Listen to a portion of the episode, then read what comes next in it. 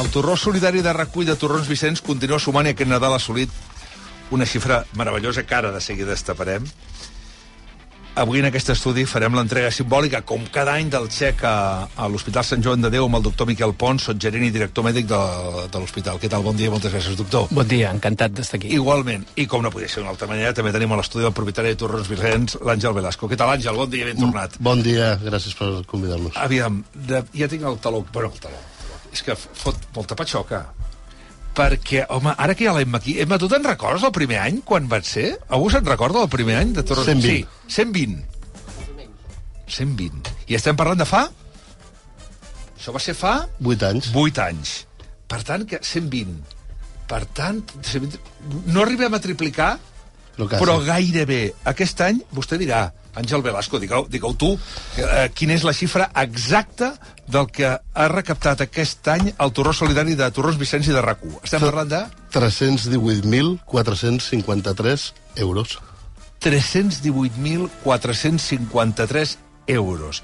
Però això no és tot, perquè si mirem en global, el total d'acumulat recaptat en aquests 8 anys són 2.100.000 euros. Hòstia, 2.100.000 euros en 9 edicions. Eh, senyor Velasco, si li haguessin dit el 2015, s'ho hagués cregut o no? No, No. sincerament no. Eh, fem, intentem sempre fer coses grans i, i el millor possible, però jo crec que a les xifres on, hem- on estem arribant amb aquest projecte tan, tan raco com, com Tornos Vicenç, jo crec que a, l'hospital ens ho dirà, no? i ens ho comentava ara abans d'entrar, mm. són xifres que, que no estan gaire acostumats. Clar, veus, 3 320.000 euros, números rodons, eh? Estem parlant de quantes barres de torrons? Saps, són moltes, no? Són, no sé. són moltes, però són més de 100.000 tauletes de torno, sí. 100.000. Sí. Hòstia, perdó. Uh, aquest, aquest any hem venut un nou, un nou gust de torró, que és el brownie amb, nou, amb nous pecanes. Com ha anat? Molt bé. Sí? Sí, sí, Perquè eh. si fem 1, 2, 3, em podria dir quin està l'1, Per, 2, 3? per ordre de, de creació. Ah, sí? Número 1, el de sempre. El de sempre, Sí, esclar, és que forma part del mobiliari de la casa. de la ja, casa, i cada vegada n'hi ha més gent que el 2 va pujant i el 3 va pujant. Mm. Però, Per què Sant Joan de Déu? Perquè sempre han apostat per Sant Joan de Déu. Bueno, vam decidir al seu dia ja aquí a la ràdio amb... Va ser idea de la Emma, eh? A més, Em sembla la Emma té grans idees. Sí, si algun dia la Emma ha de fer el llibre, la biografia, l'autobiografia de Emma Martínez a RAC1. Qui va proposar eh, Sant Joan de Déu va ser la Emma, evidentment que, que tant la direcció de la ràdio en el seu moment com, com nosaltres vam estar d'acord i, i a l'hospital també per acceptar-ho. I... Doctor Pons, ens pot explicar què és el projecte Brain?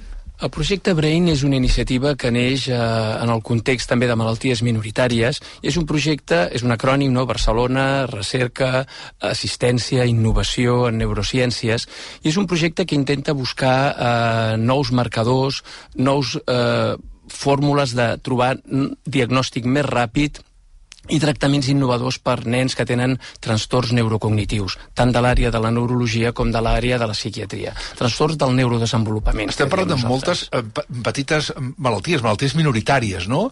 Aquestes malalties minoritàries ens sabria dir quanta gent, a quants nens afecten en aquests moments? A veure, la, les malalties minoritàries són malalties que per definició afecten a 5 casos de cada 10.000 pacients eh, i això són les minoritàries. Hi han ultraminoritàries. Estem parlant d'unes 7.000 malalties diferents i a Catalunya s'estima que poden haver-hi uns 300.000 nens amb malalties minoritàries. 300.000 a Catalunya? Sí, sí, sí, és una quantitat que, si sumem eh, clar, tots de malalties diferents. Si els posem tots en un grup, no hi ha cap malaltia tan prevalent com les malalties minoritàries agrupades. déu nhi Clar, evidentment que cada criatura és un món, no? Però quines limitacions pateixen aquests infants? Les malalties minoritàries en general tenen eh, ventalls d'expressivitat molt diferents. La majoria d'ells tenen trastorns neurocognitius, per això està el projecte Brain com un projecte emblemàtic dintre del, de tota l'aproximació que fa l'hospital amb malalties minoritàries. En aquest cas, que eh, gran part de la recerca que és finançada no, amb, amb l'ajuda de, de la campanya solidària de Torrons Vicenç i, i RAC1, es, està, se centra molt en, en malalties eh, neurocognitives, amb la qual estem parlant d'epilepsia, estem parlant de trastorns de l'afartament, estem parlant de... Trastorns de perdó? De l'afartament, no? De, de, conductes de trastorns de, alimentaris, no? Ah, eh, estem parlant de psicosis, esquizofrènia, autisme, són malalties que comencen a la, amb una edat molt primerenca, que, que pensem que amb biomarcadors podem detectar quina serà l'evolució que tindrà aquest nen, però que no són coneguts, no s'han d'avaluar, has de posar estudis d'investigació per veure si aquests indicadors que estàs trobant són realment predictius. Uh, un que ha tingut la sort moltes vegades d'anar uh, a visitar Sant Joan de Déu, a visitar-la. Um, clar, és que aquest torre solidari de rac l'encert és de la Emma de dir que anar a Sant Joan de Déu pel que significa. O sigui, allà s'ha creat eh, un, eh, un paradís dins de la desgràcia, un paradís infantil que és una meravella que és una meravella. Jo recordo un dia que vam anar amb l'entrenador del Barça, amb el Xavi Hernández, fa molts anys, eh, i ens vam quedar esturats a visitar aquella, aquella meravella. Clar, es poden donar en projectes de solidaritat molts diners per moltes obres, però fer-ho per les criatures i fer-ho per un hospital com Sant Joan de Déu jo crec que és el gran encert. Estaria d'acord vostè? Nosaltres estem molt agraïts i, i, i podem assegurar que és de gran ajuda, no? perquè en, en, el, en el món que nosaltres estem treballant ara de pacients molt complexes, amb malalties minoritàries, és molt important el concepte de centre translacional. No? Els clínics fan preguntes amb, visitant els nens, però les respostes ens l'han de donar des de la recerca. I no és fàcil eh, tenir fons continuats, com, com ha estat el cas, que ajuden a impulsar programes que ens donen respostes. No? Els recercaires donen respostes a les preguntes des dels assistencials. I és un cercle virtuós que allà a l'hospital intentem mantenir. Mm. Suposo, eh, Àngel Velasco, que aquestes xifres no fan més que motivar per poder començar ja a pensar en la desena, no? Sí, o sigui, l'any que ve és l'any 10 eh, l'hem de continuar, jo crec que hem de continuar fent-lo i, i jo crec que tant la ràdio com, com, com Tornós Vicenç estem molt contents i molt satisfets amb, amb aquest projecte i, i ens sentim orgullosos no, d'alguna forma col·laborar amb, amb aquesta recerca. No? Mm. Parlàvem de l'Emma i el Raül Llimós també va ser perquè al començament recordo que fa 10 anys també amb el Raül Llimós del primer toc, quan feia el Raül a, el primer toc també va començar també aquesta... Sí, el primer, el primer, el, el primer programa jo crec que no sé si va ser el Raül o el Toni que el va començar a Gramunt que vam fer la presentació a Gramunt si no Toni, feia la memòria Toni Clopés? Toni Hombre, sí, grande, sí, sí. grande um, per l'any que ve heu pensat alguna cosa ja? o no? Bueno, Continuarem amb els tres o no? Jo crec que sí, s'ha de continuar amb els tres, han tingut molt d'èxit, l'últim, el de Brownie, ha tingut molt d'èxit, ha agradat moltíssim, i jo crec que continuar amb els tres sí. Uh, dir ara una xifra per l'any que ve... Jo sí que la diré. Sí, no? Sí, clar, home, ah. si el número 2 i 2 són 4. Yeah. És a dir, si estem a 2 milions 100, hem d'arribar a 2 milions 500.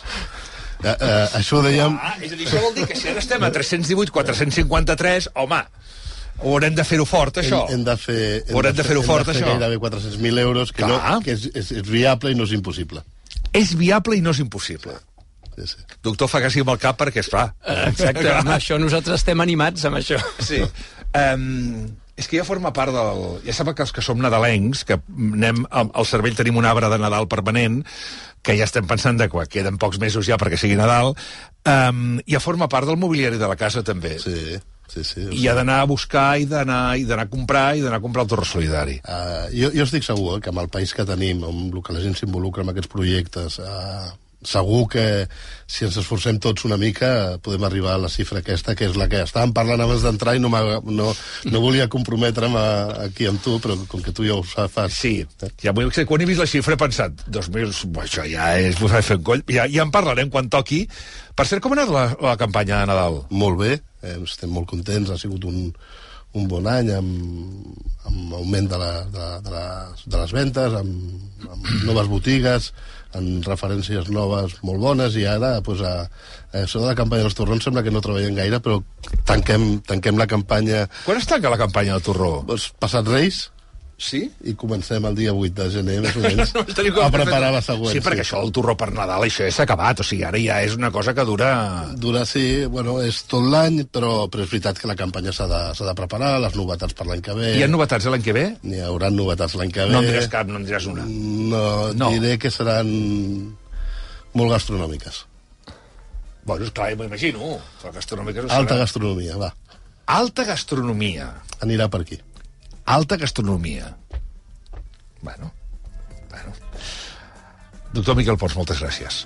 Gràcies a vosaltres per aquesta campanya fantàstica que li doneu tant de recolzament i, evidentment, gràcies a Torrons Vicenç. Efectivament. Àngel Velasco, enhorabona una vegada més. Gràcies, Jordi. Moltes gràcies a, a tots i que, doncs això, l'any que ve haurem d'anar- haurem d'apretar-ho, això. Haurem d'apretar-ho per arribar als 2 milions i mig de recaptació en 10 anys, perquè la xifra s'ho val. Serà la desena edició, eh? Haurem de bufar una, una espelma amb Torrons Vicenç És, i amb l'Hospital Sant és un repte, però l'hem d'aconseguir. O Ho que... aconseguirem segur. Va. Àngel, moltes gràcies. A Doctor, vosaltres. moltes gràcies.